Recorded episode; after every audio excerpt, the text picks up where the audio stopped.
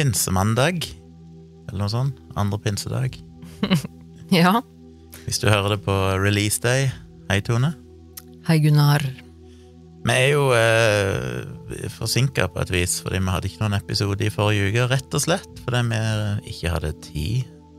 Det ble altfor mye annet å, å gjøre.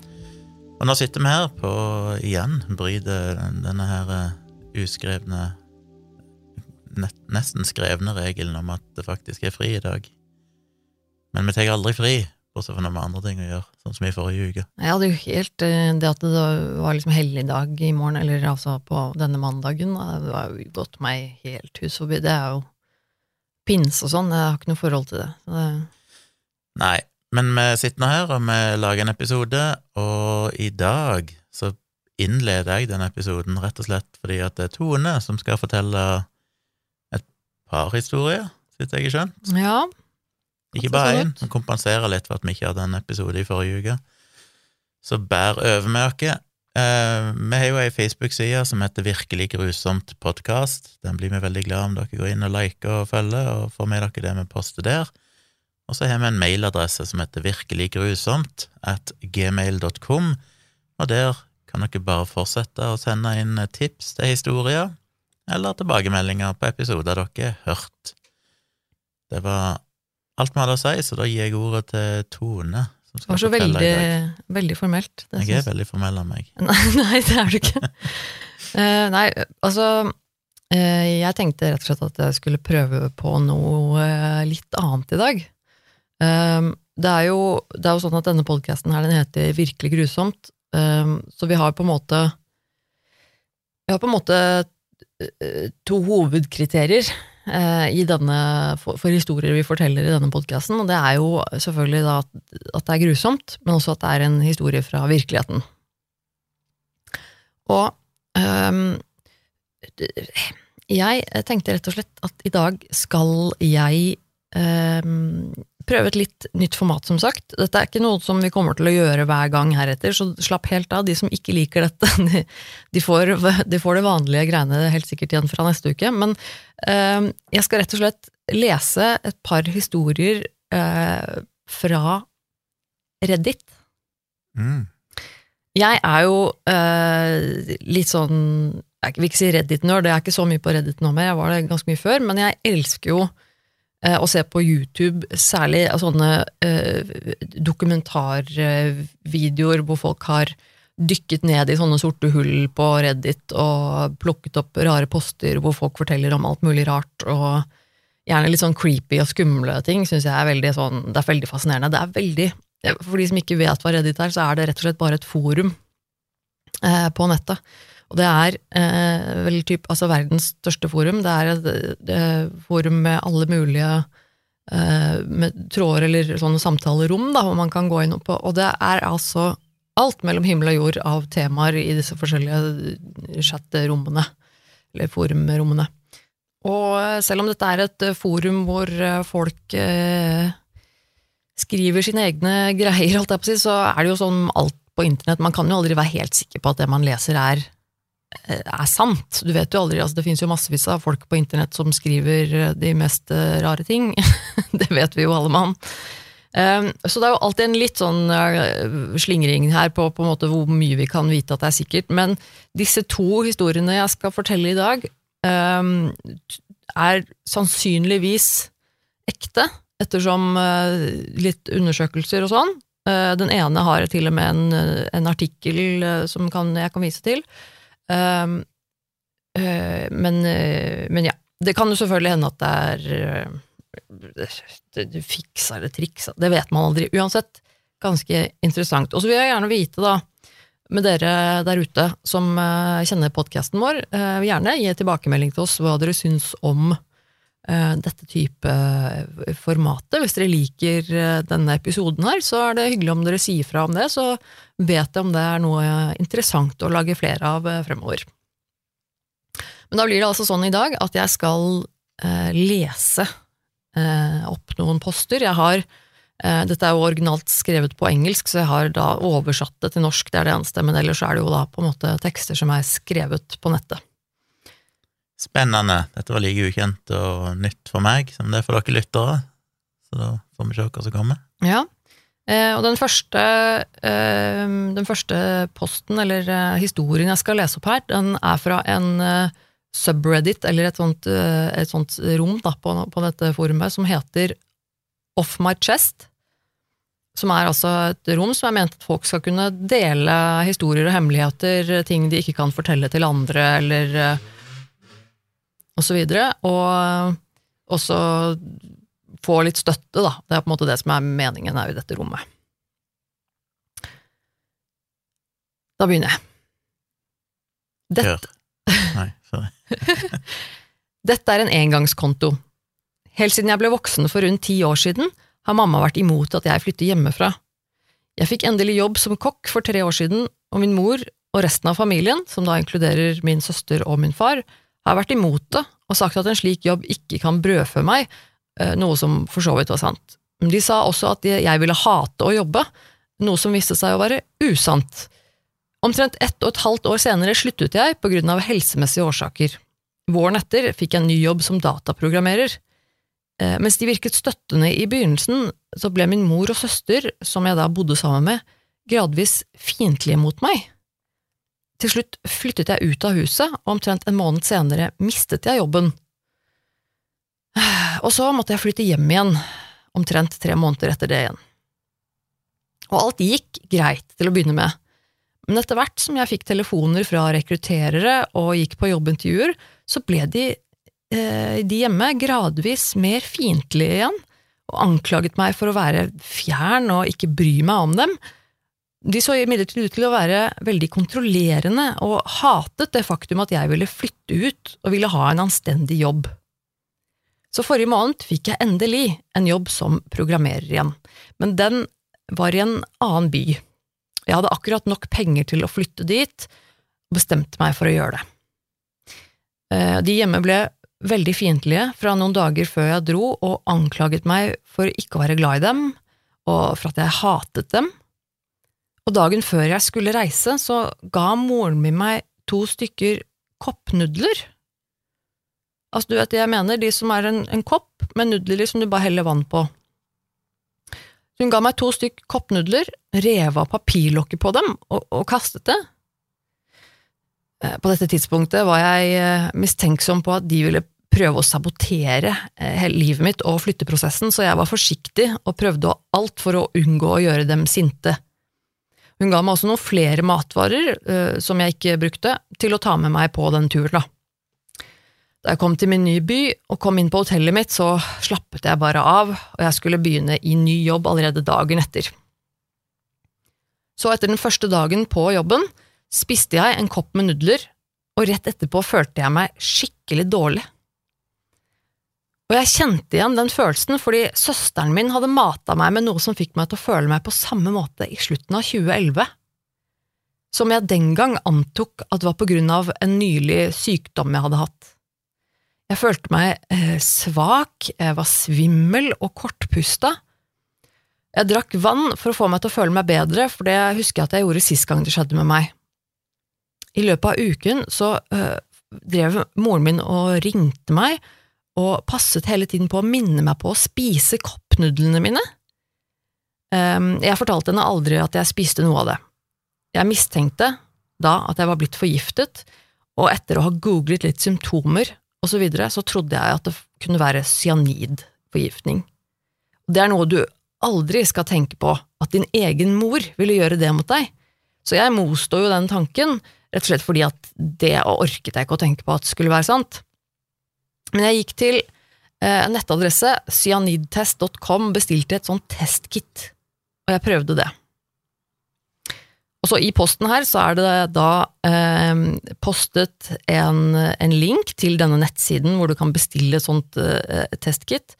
Også bilde, eh, et linke til en, en bilde som han har tatt av denne testen som han har brukt, eh, som tydelig viser utslag for cyanid. Og så står det videre at jeg antar at jeg må ringe politiet, og jeg vil aldri snakke med familien min igjen. Og dette er eh, slutten på den første posten. Og eh, under her så er det jo selvfølgelig masse kommentarer. Det er jo eh, standard på Reddit at når man poster dette her, så kan man kommentere på det, og der jo, sier jo folk alt mulig rart. og her er det alt mulig av kommentarer fra eh, en som sier at eh, du må jo si ifra til arbeidsgiveren din, og lurte på om kanskje det var familien hans som hadde fått ham til å få sparken på den første jobben. Og da svarer han noe at, eh, at, han faktisk hadde lurt på det, om det kanskje kunne ha vært familien som hadde noe med å gjøre med at han fikk sparken fra den første jobben, fordi han sier at han selv er veldig flink i jobben sin, og han jobber veldig hardt. Det er noen som også kommenterer at han burde ringe politiet, eh, dra på sykehuset og skaffe beviser, og kaller liksom familien hans eller moren hans eh, masse stygge ord. Og så svarer han jo da at, eh, at han, han, skjønner jo det, at folk reagerer på den måten, men, eh, men sier også at, eh, at det er en veldig spesiell situasjon når det er liksom hans egen familie, at man helt mister rasjonaliteten når det er din egen familie det er snakk om, og at man ikke egentlig ønsker å tro på det. Og selv om dette er ganske sånn drøye ting, da, så har du et, et, slags sterkt familiebånd likevel til disse menneskene som, som, gjør at dette her på en måte blir veldig vanskelig å, å tro på. Så er det en eh, kommentar også som går på Som lurer på om eh, dette kan ha noe med en livsforsikring å gjøre. Jeg eh, lurer på om, er, om, om han har noe livsforsikring på seg. Og da svarer han at uh, det faktisk ikke er helt umulig, for det er noe som uh, moren og de har snakket om flere ganger opp igjennom, at, uh, det kanskje bringer på banen noen, noen mistenkeligheter rundt det. Ok, skulle de ha tatt ut en livsforsikring på han og så ønsket å drepe han? Hm, ok, Merkelig. Men uansett, noen måneder senere så skriver han en post til dette. Her blir jo ganske populær post, han får masse spørsmål, så han lager rett og slett en, en, en ny post og skriver videre. For noen måneder siden postet jeg dette, og så link til den første jeg leste. Jeg var i stand til å gi en politianmeldelse, men bare det så langt. Politiet har ikke nok bevis til å etterforske. Jeg har kuttet all kontakt med familien min. Jeg bor for tiden på et billig motell i Topeka i Kansas. I går, etter å ha kommet hjem fra jobb, eh, jeg jobber eh, for Kansas delstatsregjering som programvareutvikler, fortalte damen i resepsjonen her at moren min hadde ringt dit for å snakke med meg. Av sikkerhetsgrunner så trenger motellet både navn og romnummer, eh, og min mor hadde ikke romnummeret mitt. Men hadde, moren min hadde ikke forsøkt å ringe meg på min mobiltelefon, noe som da får meg til å tro at eh, hun bare ville vite om jeg bodde der og hvor motellet lå. Og i dag morges så drar jeg litt tidligere på jobb enn vanlig, og himmelen var fortsatt i den tidlige skumringsfasen. Jeg tar bussen til og fra jobb fordi bilen min havarerte for snart et år siden, før jeg flyttet og fikk min nåværende jobb. Mens jeg gikk mot busstoppet, så så jeg noen i en fremmed bil. Mamma fortalte meg at hvis hun kom på besøk, så ville hun bruke en leiebil. Vedkommende brukte fingeren for å be meg komme nærmere. Eh, jeg så det, men jeg fortsatte å gå, og da åpnet hun bildøren, kom ut, i et sort antrekk med hette, noe som er rart for å være moren min, men jeg fikk bekreftet at det var henne da jeg så ansiktet hennes. Og hun ba meg komme hit, og jeg sa nei. Jeg holdt meg på god avstand, og hun sa at hun bare ville vite om jeg var ok. Jeg sa ja, det er jeg, og hun sa at hun bare ville ha en klem, men jeg sa nei. Jeg vet ikke om det var noen andre i bilen sammen med henne, men hun er våpeneier og veldig god til å skyte, hun slo alle i andejakt da jeg var liten, og vant alltid da vi spilte Wii-spill med våpenkontrolleren, og det endte med at jeg tok en annen buss for å komme meg til jobben min. Så når jeg skal gå fra jobb, hva er den beste måten å gå hjem på da? Eller bør jeg i det hele tatt dra hjem? Hvis ikke, hvor bør jeg gå? Jeg tror virkelig ikke det er trygt for meg her i Topeka, så hvis noen vet om noen .net-utviklingsjobber, vennligst send meg en PM, gi meg også gjerne noen råd, skriver han da. Så dette virker jo som han har skrevet da mens han er på jobb den dagen. Og selvfølgelig så sprenges jo eh, med masse kommentarer og spørsmål eh, under denne tråden her. Eh, inkludert også en del som begynner å lure på om denne trådforfatteren her er syk. Om det rett og slett han, om han har altså, har han schizofreni? Han, han, er jo helt paranoid. Dette, kan dette være sant, liksom? Um, og det som også gjør at denne denne tråden i denne historien er forholdsvis troverdig, er jo at, eh, at han trådstarteren her, han, han svarer jevnlig på spørsmål og er veldig konsekvent med det han sier, og han svarer på en veldig sånn troverdig måte. Han svarer også på kommentarer om det at, eh, at liksom, shit, du hadde også vært paranoid hvis dette her hadde vært deg. Eh, hvis du hadde opplevd noe lignende, så lover jeg deg du hadde blitt kjempeparanoid. Men det her er helt ekte, det er 100 det jeg, det er det jeg opplevde, jeg lover, jeg vil ikke løyet om det, osv. Så, videre. så får han spørsmål om men hvorfor? Det er mange som spør om dette, hvorfor i all verden ville familien din gjort noe som dette her?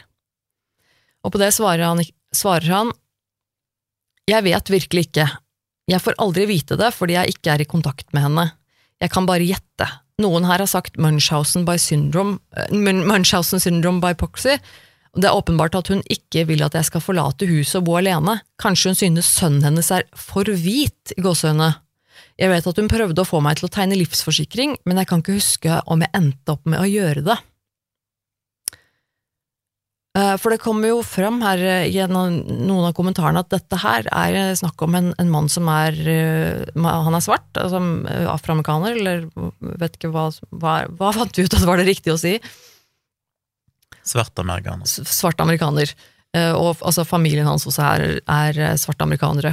Um, og at uh, tydeligvis moren Kanskje at han oppfattet at, at hun syntes at han var litt for hvit i oppførselen sin, at han ikke på en måte var eh, svart nok i gåseøynene, fordi, for, det de syntes at han, at han skulle gjøre. Eh, eh, og så var det jo flere her som han skriver også, at, som har nevnt Munchhausen-syndrom by proxy. Det også er jo ikke noe som stemmer helt, fordi at det ofte er snakk om eh, en, gjerne en mor da, som, som forgifter barnet sitt, kanskje, i, i et slags ønske om å få oppmerksomhet, ikke sant? at uh, moren da gjør det for å Men det stemmer jo ikke helt heller med, med det han beskriver. Men videre så uh, fant jeg, i kommentarene her lenger ned, så fant jeg en, en post til fra, fra han. Jeg var voksen, midten av 20-årene eller eldre, da hun prøvde dette her, så jeg vet ikke om det fortsatt gjelder. Merkelig nok ville hun alltid at jeg skulle gå på velferd, slik at hun kunne bruke pengene, selv om hun selv har vært psykiatrisk sykepleier i mer enn 15 år, og hun fortalte meg at hun tjener rundt 90 000 dollar i året for omtrent et år siden. Så jeg antar at du kan si at hun var veldig grådig etter penger. Hva vil du trenge velferdsutbetalingene mine for da, som utgjør eh, ca 200 dollar i måneden, når du tjener så mye penger?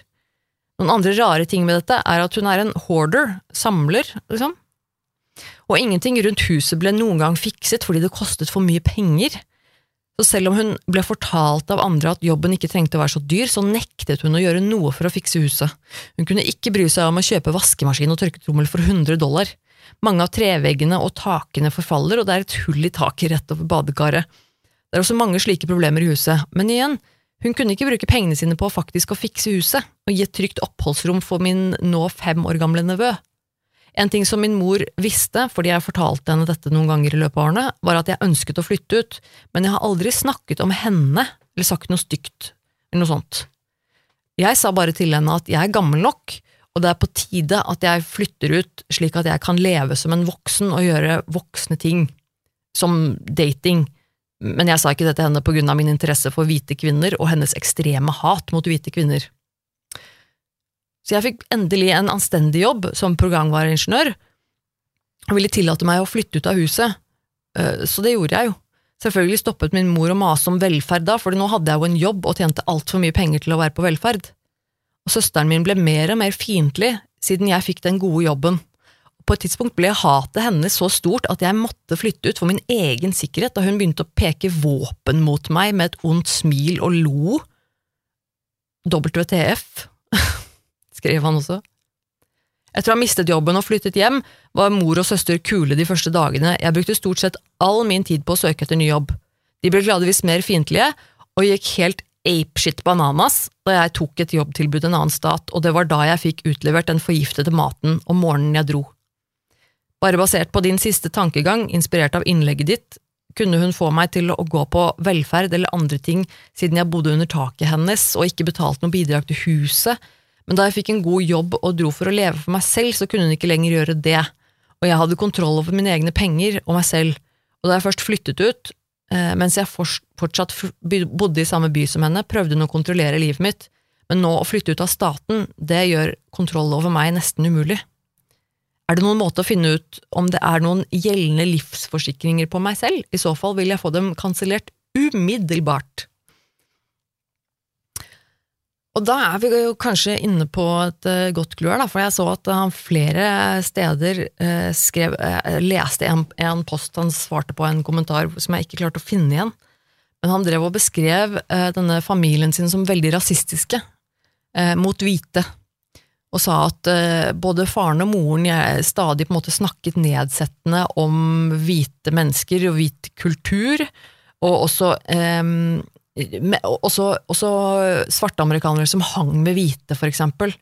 Eh, og det at eh, enkelte ting var for, for hvitt, altså sånn, i oppførsel eller, og de, de dype ting, og kunne um, på en måte insinuere at Og det at han da for eksempel var interessert i hvite Å date en hvit jente, det hadde på en måte aldri blitt akseptert av foreldrene, og um, også den type ting. Um, for å, og jeg så et eller annet sted i, i et svar også, bare sånn for å konkludere eh, med historien hans, så skrev han eh, med en forholdsvis ny post at eh, han har flyttet til en helt ny stat, han har fått seg en eh, bra jobb og har fått bedre helse. Så det virker som det liksom har gått bra med denne fyren her, da. Men det er ganske drøyt. Ja, det må jeg jo si. Forgiftet av din egen mor, og, og tydeligvis da, ifølge det han selv sier, så virker det som søsteren hans har prøvd å forgifte han tidligere. Men han hadde ikke noen far? Jo. Men det Han står ikke var- så mye om den faren. Nei. Så bare at, liksom, at familien er veldig rasistisk mot hvite folk. Er sånn generelt av holdning. Ja, nei, det, det er jo vanskelig med sånne saker. Det kan jo være Det kan jo være alt mulig. Alt ifra eh, tragiske tilfeldigheter til Men det er jo- det, det har jo skjedd, selvfølgelig, at eh, matvarer som er forgifta, eller inneholder som er liksom uh, forurensa av eh, et eller annet, har blitt solgt.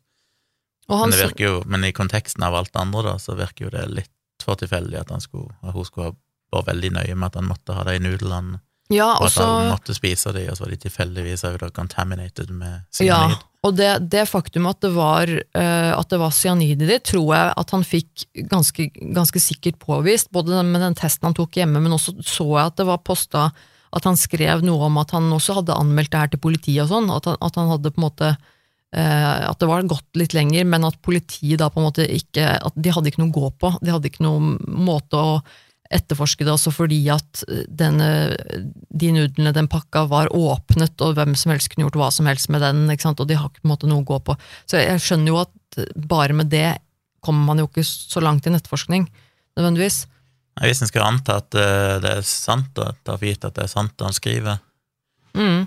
så er det jo interessant å prøve å forstå hvorfor uh, Munchhausen by proxy er jo ikke nødvendigvis helt feil, selv om det ikke nødvendigvis er gjort for det å trenge sympati og oppmerksomhet, så kan en vel sikkert Det er jo ikke nødvendigvis det som er det avgjørende, hvis hun gjør det bare fordi hun Nei, ja, jo, kanskje det er det.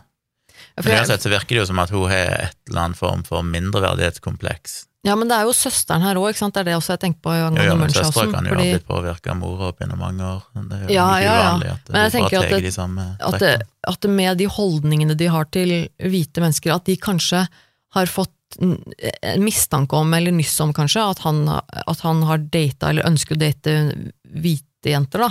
Eller at han har altså Han kommenterte jo også på et tidspunkt her at at han lurte på om de syntes han var for hvit, i gåseøynene. At, at han da hadde en eller annen type oppførsel som i deres øyne var på en måte helt uakseptabel. da.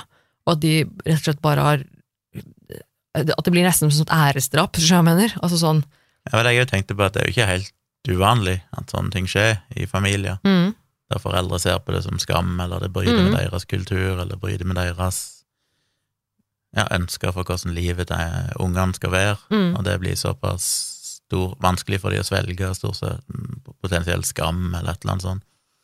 At de kan være villige til å gå til, til drap for å liksom redde æren sin. Mm. Men det kan jo bare være at hun Det virker som at hun er et mindreverdighetskompleks i den forstand at hun hadde behov for å tjene mye penger, men egentlig ikke trengte penger til noe, ikke ville bruke de til noe. Mm. Men det var viktig for å, å ha mye penger, så en kan begynne å leke hobbypsykolog og tenke at eh, ja, kanskje hun vokste opp under Det er jo statistisk sannsynlig at hun vokste opp under ganske fattige kår, Mm. som svarte amerikaner på 40-, 50-tallet, 60-tallet, Mm. og at hun da har overkompenserer for det, da, med at, eh, at ja, hun tydeligvis ført til mindreverdig, og dermed så er det vik, et sånn viktig symbolsk grep for henne, da, så tjener mye penger.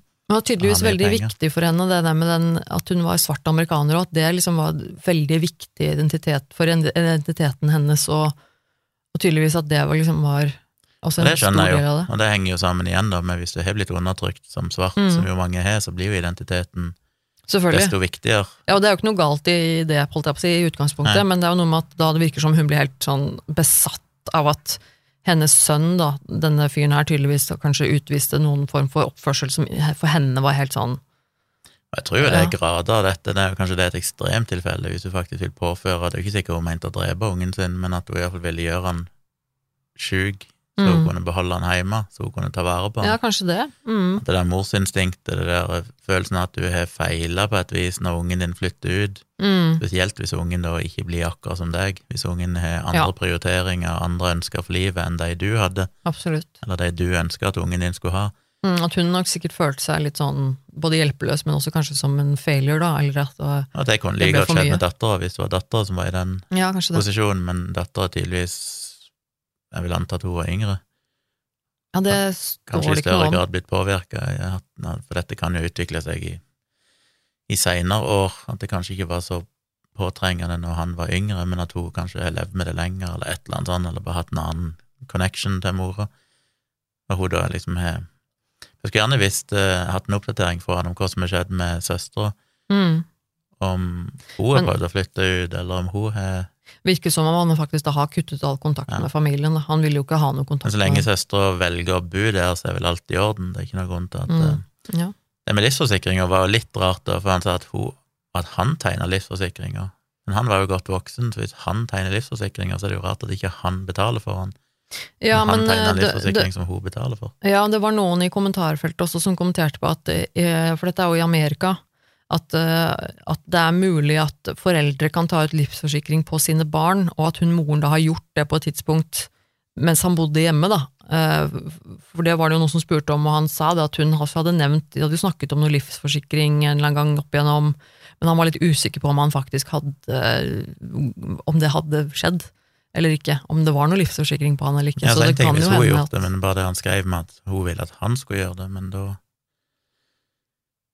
Da ville jo han fått uh, måtte betale for den. En forsikring er jo ikke gratis, det må du betale for jevnlig, så det var mm, ja, nei, men det- det, da. Men, Ja, men det er altså, det er rart at om en eh, voksen kan ta ut livsforsikring på barn som er over 18 år, men kanskje mulig. Um, nei, så det er jo litt rart, og det er vel litt rart òg at hvis han er voksen Nei, jeg vet ikke.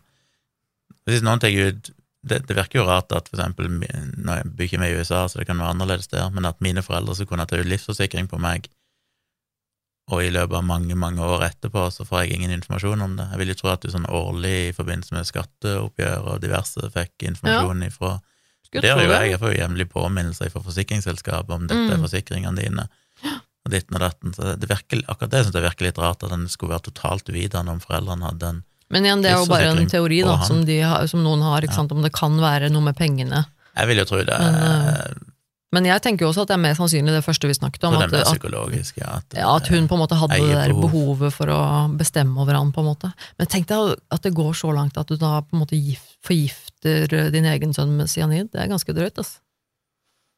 Ja, det er en måte å gjøre det på, men jeg kan jo tenke meg at det, ikke, at det er nok mer vanlig enn det vi tror, bare at det ikke nødvendigvis går til at du forgifter, men at du derimot bare gjør livet vanskelig for ungene dine. Jeg tror nok, Ja. Det kan en nok se i Norge òg, i flere eksempler, at foreldre ikke er veldig fornøyd med at ungene forlater redet, for det er jo kanskje veldig, veldig skummelt for mange. Mm. Og at de kan da legge hinder i veien, enten det er økonomiske hinder eller andre måter. Og det var hennes metode, var kanskje da at hun prøvde å forgifte han eller gjøre han sjuk. Så jeg vet ikke. Det er vanskelig å si, men Ja, det når det er sagt, det er jo det noe av det mest skremmende jeg kunne tenkt meg. Det er liksom det er når noen som står deg så nær, det er jo de nærmeste personene du har i Mhm. livet ditt i utgangspunktet. Når de plutselig blir mistenksomme på deg og ikke kan stole på deg lenger, at de ikke vil deg vel, Mm. Det må være utrolig creepy. Ja, han skrev jo det også, at eh, han syntes jo det var helt, nesten umulig å tro på. Det skjønner jeg jo, når Ja, du står i en sånn situasjon. Selv om de på en måte har vært eh, kanskje litt uh, ufine noen ganger, og sånn, så er det på en måte, det er jo fortsatt familie. Det å tro på at familien din skal gjøre noe sånt, det er jo sikkert ikke så lett. Men vil gjerne Nei. vite hva, hva dere tror der ute. Har dere noen teorier? Um, uansett, før jeg går videre til neste, så skal jeg bare si at uh, jeg poster også linker til de, uh, til de originale Reddit-postene, hvis det er noen som har lyst til å gå inn selv og lese. Post og kommentarer. linker finner dere jo to steder. Dere finner de i shownotes til podkasten. Og shownotes er jo rett og slett bare notatene som finnes sammen med podkastepisoden, som du normalt kan se i podkastappen eller i Spotify, så står det gjerne litt tekst. Der finner dere linker. I tillegg til at de blir posta på Facebook-sida vår, Virkelig grusom podkast, så der er det jo lett å, å finne linker, i tillegg til litt bilder og sånne ting. Så eh, går vi videre til eh, neste historie. Eh, dette er en historie som er skrevet av en bruker som heter Ravenously Red, og eh, subredditen hvor dette er skrevet, eh, heter Creepy Encounters. Så det er altså da en type eh, forumdel hvor folk skriver om eh, ja, opplevelser de har hatt som de syns har vært eh, creepy. Så da begynner jeg. I dag har vært en spesielt treg dag på jobben, og jeg har brukt tid på å lese disse historiene her. Kanskje det har gått nok tid, og jeg kan dele min. Jeg hadde en venn som var veldig interessert i det okkulte.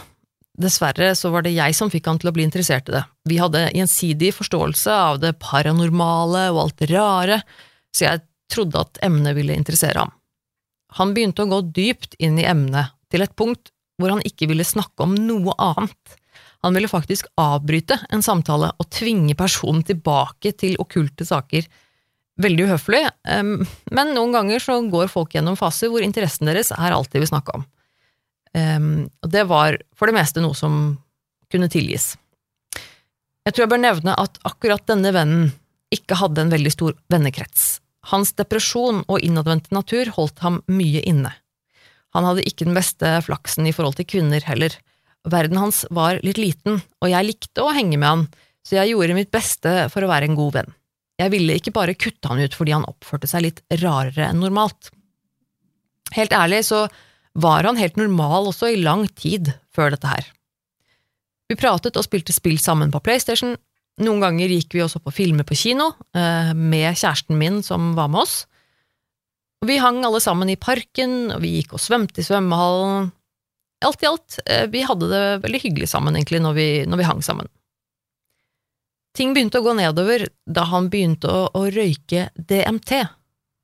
Personlig syns jeg psykedelika er fantastiske verktøy som kan gi innsikt i livet ditt, men de bør behandles med respekt. Vennen min kom til det punktet hvor han laget det selv, tilsynelatende en ganske enkel ting å gjøre etter en liten mengde forskning på nettet, og han røykte det daglig, flere ganger om dagen. For de av dere som ikke er kjent med det stoffet, når du røyker det, blir du transportert til en annen verden, en helt nytt eksistensplan av kroppen din og deg selv eksisterer ikke lenger, du utforsker bare dette alternative virkelighetsdrømmelandskapet. Eh, Min personlige erfaring med dette førte til at jeg så en drage en gang i et kaleidoskop av et overflødighetshorn. Ja, folk ser alle slags forskjellige ting. Så tenk deg hva det gjør med en person når de røyker det 30 pluss ganger daglig. Han begynte å fortelle meg ting, som at han var, eh, som at han var den reinkarnerte Osiris. Han sa at han så egyptiske hieroglyfer overalt i det våkne liv, og tilsynelatende hadde han timelange samtaler med overnaturlige vesener på soverommet sitt, selv når han ikke røyket DMT. Selvfølgelig ble jeg veldig skremt av å høre dette, og jeg fortalte ham at eh, han måtte ta en alvorlig pause. Ingen narkotika i det hele tatt på noen måneder, så han kan finne solid fotfeste i virkeligheten igjen. På dette tidspunktet hang jeg fortsatt med ham fordi han åpenbart trengte hjelp. Og som jeg sa før, han hadde ikke så mange venner, og ingen som kunne gi ham eh, hjelp. Han var også familiens svarte får, så jeg visste at han ikke egentlig fikk noe særlig støtte fra familien sin. Men han var veldig nær søsteren sin, og jeg tok kontakt med henne på Facebook for å uttrykke bekymringene mine. Jeg presset henne til å overtale ham til å få litt psykiatrisk hjelp, fordi han gled forbi punktet hvor han egentlig ikke kunne vende tilbake. Jeg er egentlig ikke sikker på om hun tok meldingene mine seriøst, siden vi egentlig ikke kjente hverandre så godt, eh, pluss at hun er minst eh, seks år yngre enn oss og skjønte muligens ikke hvor alvorlig situasjonen var i ferd med å bli. Uansett, jeg hopper nå videre til den delen hvor ting begynner å bli skikkelig skummelt. Kjæresten min hadde avtalt å henge med, venner, eh, med vennen vår i parken. Jeg ville egentlig ikke dra, fordi jeg følte at jeg trengte en pause fra ham og hans rare babling. Jeg klarte ikke å takle det akkurat den dagen, men kjæresten min sa at nei, det var ikke så ille, så ja, vi dro likevel. Og vi kommer da til denne parken, eh, og han er sitt vanlige jeg, snakket om Egypt og diktet opp guder som han bare visste sannheten om, videre. Han hadde også en stor jaktkniv som han holdt på å fikle med hele tiden når vi var på tur. Han fortalte oss at han hadde brukt den i en seremoniell eh, brukt den i seremoniell magi, og at den bidro til å forvise negative tanker, og det gjorde meg ekstremt urolig. Han drev stadig og gjorde stikkebevegelser nær hjertet eller hodet, som om han stakk seg selv, alt mens han holder en samtale med meg eller kjæresten min. Jeg tror vi begge var veldig på kanten og visste ikke helt hva vi skulle gjøre med det. Jeg prøvde å distrahere ham fra å gjøre det ved å ta opp andre emner som kunne interessere ham, men han fortsatte med sitt ritualsnakk. Husk at her gikk vi på en sti, så det var, det var ikke sånn at vi bare kunne liksom si farvel her og da. Eh, vi måtte gå tilbake til bilen vår og slippe ham av ved bilen hans. Kjæresten min hadde den lyse ideen da, om at vi skulle ta lunsj etter den turen vår, selv om jeg gjorde mitt aller beste for å gi ham et blikk som sa nei, din gale faen, hvorfor tror du at jeg vil bruke mer tid med denne gærningen, men det må ikke ha vært veldig effektivt. Eller så ignorerte kjæresten min det, usikker. Uansett så endte vi opp med å sette oss inn i bilen og kjøre for å finne lunsj. I bilen jeg kjørte, satt kjæresten min i passasjer passasjersetet, og raringen vår, han satt eh, bak kjæresten min. Mens vi er på vei gjennom en travel del av byen, der alle shoppinggatene og restaurantene er, hører jeg den karakteristiske lyden av en beltespenne som løsnes. Da hører jeg den verste lyden man kan tenke seg, jeg kikker bakover ut av øyekroken, og mistankene mine ble bekreftet. Denne gale jævelen var i full gang med å onanere i baksetet vårt, jeg mener bukser helt ned, bar rumpe på setet, og holdt på så hardt at det var som om han ville rive den av. Altså, umiddelbart fikk jeg skikkelig vondt i magen, og all den nervøse energien som jeg hadde gått med gjennom hele dagen, den bare poppet opp i hodet mitt. Jeg prøvde å ikke skjelve, prøvde å ignorere det mens jeg kjørte gjennom tett trafikk. Jeg fikk liksom en frysreaksjon. Hele tiden tenkte jeg på den enorme jaktkniven han hadde i lomma, og han hadde tydeligvis klikka helt. Og jeg var redd for å si noe eller konfrontere ham fordi jeg ikke visste hvordan han skulle reagere. Og noe av det verste var at det så ikke ut som kjæresten min la merke til det, og hele tiden fortsatte han å tulle om Gud og vet du hva. Jeg kunne ikke lytte fordi tankene mine var 100% fokusert på å kjøre bil og prøve å oppføre meg som jeg ikke visste hva som foregikk i baksetet mitt. Vi kommer til restauranten, og kjæresten min bare popper ut og løper inn for å hente noe mat, og jeg blir sittende alene i bilen med vennen vår i baksetet, og jeg prøver å oppføre meg som om jeg surfer på mobilen min, når jeg egentlig ser og lytter så godt jeg kan, og vi snakker ingenting. Kjæresten min kommer tilbake, og jeg klager på at jeg er trøtt, det har vært en lang dag, la oss sette ham av, og så videre. Så jeg kjører oss tilbake til vennen vår sin bil, han går ikke ut av kjøretøyet vårt, han bare sitter der. Og jeg må være litt eh, frekk og be ham komme seg ut og dra hjem før han i det hele tatt reagerer. Og han går ut av bilen vår og går bort til passasjersiden på bilen sin. Jeg begynner å bli veldig redd og mistenkte det verste, for han trakk en pistol ut av en slags bag han hadde på setet, og han bare går bort til bilen vår med den. Jeg vet ikke hvorfor i helvete jeg gjorde dette, men jeg ble så forbanna og sikkert klikka at jeg bare gikk ut av bilen min og gikk rett bort til ham. Jeg var kanskje tre fot unna og kunne se at det var en ladet 9 mm pistol. Jeg spurte ham om og om igjen hva gjør du, hva driver du med? Fordi det var tydeligvis alt hjernen min kunne tenke seg å gjøre. Jeg ba ham sette seg i bilen og dra hjem, og han sa aldri noe hele den tiden her. Han bare gråt og hadde et vilt blikk i øynene. Av en eller annen grunn, så til slutt så satte han seg faktisk tilbake i bilen og bare kjørte. Jeg sa jo til kjæresten min at vi åpenbart aldri skal henge med han igjen, og at jeg ikke engang ville at han skulle snakke med ham lenger, ikke kontakt, nada. Det går noen måneder. Av og til sender han meg meldinger via PlayStation Network eller sender SMS til telefonen min og sier mye sånn tilfeldige greier, men jeg bare ignorerer det. Så viser det etter hvert seg at han har flyttet ned til Tennessee, nær Nashville, og jeg aner ikke hvorfor. Eh, han hadde en romkamerat, og jeg tror kanskje kjæresten deres bodde der, men jeg er ikke helt sikker på hva greia var. Jeg tror kanskje han da liksom snudde livet sitt og fikk en ny start der nede. Jeg tror det er best å kutte all kontakt og la ham bare omgruppere.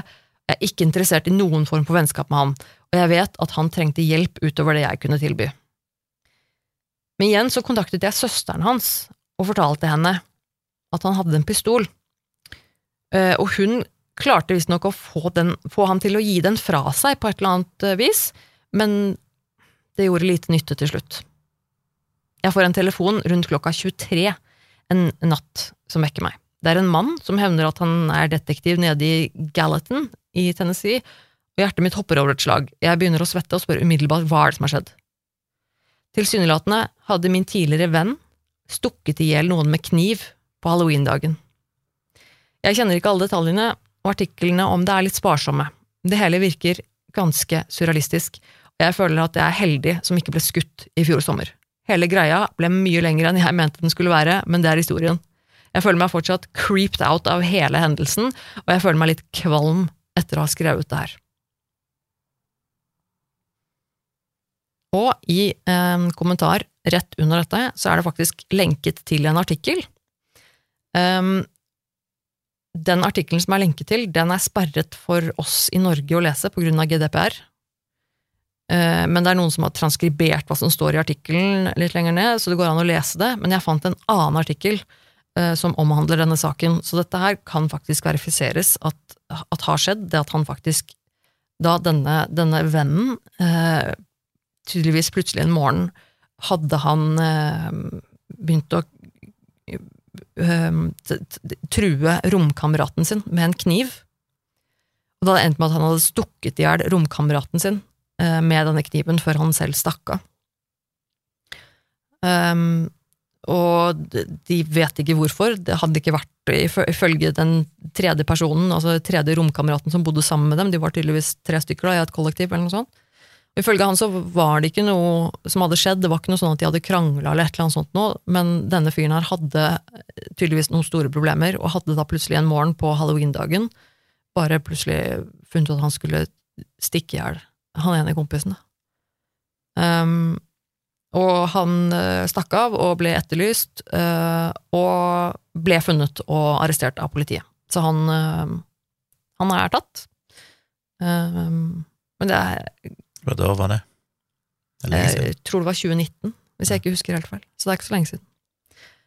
Så det var, er jo ganske drøyt. Um, det også Så, så det, da vet vi i hvert fall, jeg har bekreftet at det faktisk skjedde, at eh, denne fyren her at denne fyren her fins, og at han har knivstukket noen. Jeg vet vi ikke hvor stor grad av eh, denne historien som trådstarter her påstår er, er sann. Uh, igjen, det kan vi jo ikke vite, men uh, ganske drøyt. Og jeg så også på uh, noen kommentarer under at det var flere også som, som kommenterte at bare oi, ja, denne saken fikk jeg faktisk med meg fordi jeg bor i den samme staten, og dette husker jeg, og Men altså relativt en veldig liten sak så når jeg googla det, så var det ikke så mye å finne. Jeg fant den uh, veldig veldig korte artikkelen som, som, vi linker til her, så folk kan sjekke den. Uh, men ellers så er det mange av de også som er sperra av GDPR. Altså europeiske retningslinjer som gjør at vi ikke kan lese det. For det var tydeligvis Bruker VPN. Ja, ja det er, så, så langt gadd jeg ikke å dra det, holdt jeg på å si. Jeg fant en som var åpen og tenkte jeg hadde holdt, men, eh, men det er mange som eh, eh, Men det er liksom skrevet i altså lokale aviser, da. Det er liksom på navnet på avisen at det er sånne lokale statsaviser. Men det er eh, ganske drøyt. Jeg så også i kommentarene på, på eh, eh, Jeg tror det var på YouTube da jeg fant denne historien her. For det er, dette, begge disse historiene har jeg plukket opp fra en uh, YouTube-video, uh, hvor det er en annen som på en måte forteller diverse historier som han finner på Reddit. Um, og der var det en dame som fortalte at hun faktisk hadde møtt på akkurat denne fyren, for hun bare Oi, Jesus, det her er jo Han møtte jeg faktisk på, jeg bor i den byen. Jeg kjenner til den saken her, jeg husker ansiktet hans, fordi dette her Hun sa at eh, før han da drepte noen, da, men at hun hadde møtt på en fyr som så ganske slitt ut og sliten på gata, og eh, hadde liksom spurt han om eh, hun skulle gi han litt mat og drikke og sånn, og så hadde hun tatt han med seg inn, da, og så hadde de sittet og prata, og han hadde visst virket veldig sær og spesiell og, og sånn, men eh, så hun hadde fått eh, sjokk da, når hun senere da så i avisa at han faktisk hadde knivstukket eh, og drept sin romkamerat. Det er ganske eh, Ja, det er ganske sprøtt. Ja, kanskje ikke så overraskende. Jeg har vel sett tilsvarende saker tidligere, der eh, noen har drept noen, og så kan du lese i forum. Mm. Hadde vi oppe en sånn sak i en tidligere episode, der jeg òg fant noen sånne forumgreier der noen sa at eh, Jeg mener vi gjorde det. Ja, en eller annen drapssak der det var noen som sa at de hadde kjent denne personen tidligere, og bla, bla, bla. Mm. Um, så det er jo ikke Jeg mener, det er jo ikke så uvanlig at de som ender opp med å drepe noen, det kommer jo ikke all, Som regel kommer det ikke helt ut av det blå. Mm. De er gjerne en historikk med litt eh, ustabilitet og trusler og tvilsomme greier. Så det er jo ikke en Det er jo ikke noe grunn sånn sett til å anta at den historien ikke skulle være sann. Men jeg skjønner jo hvor, hvor ubehagelig det må være. Utrolig skummelt det er når du har noen som du allerede er skeptisk til fordi de fremstår som ganske ustabile, Mm. som da plutselig begynner å, å leke med våpen rundt deg. Ja, tenk deg at du, du skal møte en, en, en venn liksom, som du vet at sliter og har det vanskelig, og som er litt rar og har begynt å snakke om rare ting, og så dukker han opp der, og så har han med seg en kniv som han driver og gjør litt sånn, stikkebevegelser mot seg selv, liksom type i Ja. lufta, og eh, altså, det har jo klikka helt, liksom, og, og det etterpå når de sitter i, i bilen, og så plutselig så drar han av seg buksa og begynner å liksom runke helt eh, ekstremt. Altså, det er helt sånn Jeg vet ikke hva jeg hadde gjort selv, jeg, hvis jeg hadde vært i den situasjonen. Det er jo helt absurd, liksom. Jeg er åpenbart ikke helt frisk, og uh, burde jo fått hjelp. Ja, Men jeg vet ikke hvordan, hvem som skulle grepet inn. Han hadde jo ikke noe familienettverk og sånn, så han er vel litt sånn hvis ingen andre tar så Og så er jo dette også i USA, da. Og der er det vel Altså her i Norge så har vi jo et ganske godt helse, helsevesen, og i forhold til USA kan være veldig vanskelig å få hjelp hvis du ikke Mm. har riktig helseforsikring og ditt og datt, så er ikke det alltid så lett, tror jeg, altså. Og jeg leste også, eh, for det var jo en del som i kommentarene her på, på Reddit og sånn, så var det jo en del eh, som reagerte på akkurat den delen av historien hun forteller om denne pistolen, og folk bare sånn nei, nei, det her kan det ikke være sant. At hun liksom bare går ut av bilen og bort til han når han står der og holder en pistol i hånda si. mm, Um, og da var det mange som bare nei, dette er bullshit, Uh, det er bare tull og sånn. Og så tenker jeg at Men det er jo egentlig altså Det er ingen av oss som vet hvordan, på forhånd hvordan vi vil reagere når vi står i en sånn Nei. situasjon. Altså, og det er jo ikke Hvis du er skikkelig redd, som hun skriver jo, altså at hun var kjemperedd, og eh, altså, situasjonen var sånn ute av kontroll, og han, han kommer plutselig, og så har han med seg en pistol. Og da tenker jeg sånn, da går du jo på en måte over i et sånt modus i hodet ditt med sånn adrenalin og, og skrekk, og du på en måte det, det du ender opp med å gjøre da, er jo ikke nødvendigvis det mest rasjonelle. nei. Og du vet jo aldri på forhånd hvordan du vil reagere i en sånn situasjon. Det er jo en, helt, det er jo en situasjon du ikke på noen måte er forberedt på. Nei, plutselig et sånn brøkdel sekund når det skjer, så Ja, kan du sant? tenke at uh, hvis jeg bare kjører nå, så kommer han til å skyte etter dere. Ja, Det er bedre å gå ut og prøve å snakke, snakke han til fornuft, eller et eller annet sånt. Ja. Ikke nødvendigvis en helt irrasjonell Nei, men, men, vurdering. men det er jo helt Altså ja, nei, og, jeg, men, og jeg skjønner jo hvorfor folk kan reagere og tenke at liksom nei da, det her er bare bullshit. Men jeg tenker sånn, nei, men det trenger jo ikke å være det. Eh, Selvfølgelig vet vi ikke det sikkert, det kan hende hun finner på det, men jeg tenker sånn, eh, men Jeg vet ikke, jeg, tenker sånn, hun skriver jo ikke at han sto og sikta på dem med pistolen. Hun skriver jo at han, at han gikk og henta den, og at han mm. sto med den i hånda. Ja. Jeg tenker at hvis hun, hvis hun bare fant det på, så ville hun kanskje gjort det mer dramatisk. Jeg vet ikke. Eh, men det er liksom At han gråt og var liksom vill i blikket, og at han kanskje tenkte på å gjøre noe, da, og så ble hun liksom Hun skrev at liksom, hun ble sinna, men veldig redd, men, men også sinna, så hun bare gikk rett ut av bilen og bare Hva gjør du? Hva driver du med? Og liksom, og jeg tenker at det er Det er kanskje ikke så irrasjonelt egentlig å reagere på det en sånn måte. Jeg tenker sånn, hvis du hvis det For dette er jo en person du kjenner fra før, det er jo en venn av deg, liksom. Hvis jeg hadde sett en venn Ja. av meg plutselig ha en, en pistol i hånda, Hadde ikke bare snudd og sprunget av gårde. så hadde jeg jo tenkt liksom Hei, hva er det driver du med? Legg, slutt med det. Ikke sant? Mm. Ja, altså Det er ikke sikkert det egentlig er en så veldig irrasjonell reaksjon. Selv om hun da kanskje var litt sånn ok, han er ustabil. Nei, jeg vet ikke. Jeg syns ikke det her høres altfor rart ut, egentlig. Nei, det altså er litt sånn Eller, ja, det er, ja. Nei, hvorfor skulle noen dikte opp en sånn historie? Selvfølgelig kan jo noen gjøre det, men for moro skyld, for sportens skyld, for å få oppmerksomhet. Selvfølgelig er det gode grunner til det, men jeg føler ikke de får nok igjen for at de skulle gidde å investere nok så mye tid. Nei, altså, nei. Men uansett, det mest grusomme som skjedde, var jo det som faktisk er dokumenterbart, at vedkommende endte opp med å drepe noen Ja, og det er det jo det er jo det også som gjør dette her litt sånn creepy, da. Å tenke på at, det, at han faktisk drepte noen helt eh, Helt eh, Holdt jeg på å si helt meningsløst, hva heter det? Helt um, uprovosert. Ja. uh, litt etterpå, som da på en måte tilsier at du, altså Jeg skjønner jo at hun da etterpå sitter med en sånn følelse at bare shit, jeg kunne jo blitt drept. Han kunne jo drept meg. Mm. Altså, og det må være en utrolig ubehagelig følelse. Og det skjer jo, jeg mener bare den Kongsberg-saken fra i fjor her i Norge, det er jo, det er jo en fyr som angrer veldig nå, men han gjorde det jo sannsynligvis som Mm. del av et psykotisk anfall. Og Ja.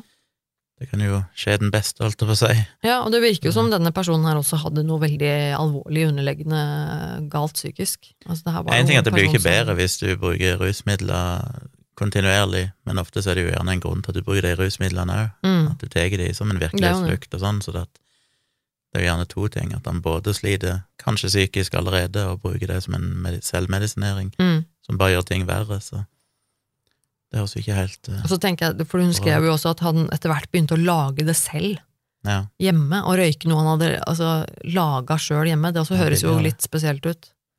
Det er Hvis du bruker så sånn- mye av det, så må det jo være uoverkommelig dyrt hvis du skal kjøpe det Ja, hele tiden. ja, men jeg så tenker sånn, det- det, jeg tenker, hvis det er noe du har altså, Nå vet jo ikke jeg så mye om akkurat dette stoffet her, det er jo et sånt hallusinogen, men jeg tenker jo Det høres jo ikke helt trygt ut å drive og snekre sammen noe greier hjemme. Nei.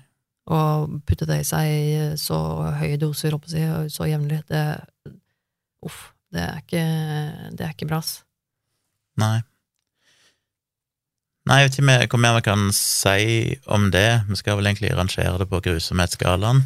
Ja, um, og dette her er jo to eh, Hva skal jeg si I forhold til mye av det andre vi har snakket om i denne podkasten, så er jo dette forholdsvis uskyldig. Um, Mm. Men eh, jeg måtte jo begynne et sted. Jeg tenkte Dette var to fortellinger som jeg syntes var eh, litt sånn spennende og litt creepy. Og så kan vi høre hva folk eh, syns. Hvis folk hater dette, så er det, er det jo greit nok. Da skal vi slutte med det. Men, men vi, Eller så det kan jo folk jo sende tips om andre tilsvarende historier som er Absolutt. enda mer grusomme, hvis dere kommer over noen. Ja, for det fins mye, mye rart selvfølgelig på nettet, og på Reddit også. Eh, Dette her er jo ikke på langt nær det mest grusomme av ting jeg har lest om eller sett på Reddit. Det er klart, Blir de Eh. vesentlig mer grusomme, så er det som regel en sak som Ja. involverer media til slutt, så det begrenser seg vel litt sjøl. Men eh, vi kan jo, eh, siden vi gjør det på alle andre episoder, så kan vi jo rangere det likevel. Ja, Det er jo ikke om å gjøre å ha den grusomste historien her, føler jeg. Det er ikke Nei, noe konkurranse, det, egentlig. men det er jo vanskelig å rangere, for det med Nå husker ikke jeg. Jeg har jo ikke komplett oversikt over hva vi har rangert det til. Så det er jo lett å si sånn i utgangspunktet at ok, dette er Hvis du tar den første historien, da, som jeg egentlig syns var den verste av de, så tenker jeg at eh, jeg får lyst til å gi liksom to, eller sånt, på skalaen. Mm. Det er jo ingen som ble drept, ingen som ble alvorlig skada gang. Det er bare ubehagelig. Utrolig ja, skummelt. Samtidig så kan det være vi har gitt saker som har vært vesentlig hatt verre konsekvenser. At vi har gitt det to og tre og sånn, det husker jeg ikke i farten. Men for å bare ta et eller annet, så vil jeg kanskje gi den eh, en toer, mens den Nei, jeg vet da faen. La oss si jeg gir den en tre, den første historien. Fordi den andre Mm. føler jeg òg fortjener to, for det én blir veldig mildt igjen. Ja, altså, jeg Toeren, kjenner at Når du eh, tross alt føler deg utrygg for at noen har kniv og pistol og ender opp med å drepe noen, så ja, det er jo bør det kanskje være en toer. Men Ja, jeg, jeg, jeg føler bare sånn umiddelbart at eh, for meg så havner de litt sånn kollektivt sett her altså, på en treer. var jo verre i Nei, den andre var jo verre i forstand at det var våpen, og det endte opp med et drap. Allikevel syns jeg den første var verre, sånn Ja. Fordi at jeg den andre, den andre historien den var jo relativt kortvarig. Det var basically én dag og én episode som var spesielt ubehagelig. ja. Den andre så sånn. lever du jo i utrygghet i mange år og tror at familien din vil drepe deg. ja, det da må du Det basically gi opp alt du Selv om har, da. det ender bedre. Så det er en av min rating. Ja, Men det er, det er bra. Um, vil gjerne høre hva folk der ute mener, eh, selvfølgelig. Både hva dere ville rangert på eh, grusomhetsskalaen dette her, men også selvfølgelig hva dere mener om eh, denne type historier. Syns dere det er kult? Var det ålreit? Uh, let us know på en litt hyggelig måte, da. Og så, ja, følg oss prøver jo å være litt varierte her i podkasten, ikke bare gjøre én ting hele tida. Så. Det har vært, verdt, et eksperiment. Og hvis dere som sagt har kommet over andre historier på Reddit eller andre fora som dere syns er grusomme, og vi kunne ha snakka om, bare å maile dere linker, Gjør det. så skal vi jo vurdere det. Og vi har fått mange gode tips i det siste. Ja. Eh, Vi fikk jo ikke spilt inn episode forrige uke, og nå ble det en annen type historie denne gangen, men vi har jo mye på lager Det er alltid bra. så det verdsetter vi. Vi får Mm. mye gode tips. Så følg oss på Facebook, Virkelig grusomt podkast, og send oss mail på virkeliggrusomt at gmail.com med tips og tilbakemeldinger. Og så, eh, ja hører vi Så er vi vel, tilbake i neste uke, men muligens forsinka, for vi skal jo reise vekk. Um, Det er sant. Så vi får se. Det er mulig at det blir en dag forsinka eller sånn i neste uke. Men så eh, det skal komme en episode. skal vi advare folk også om juli. Ja, vi tar nok litt sommerferie. Det er mulig, beklager å si det, altså jeg kjenner det er hjerter som knuser der nede, jeg sier Men at det, juli, det er mulig at vi tar en sommerferie i juli måned.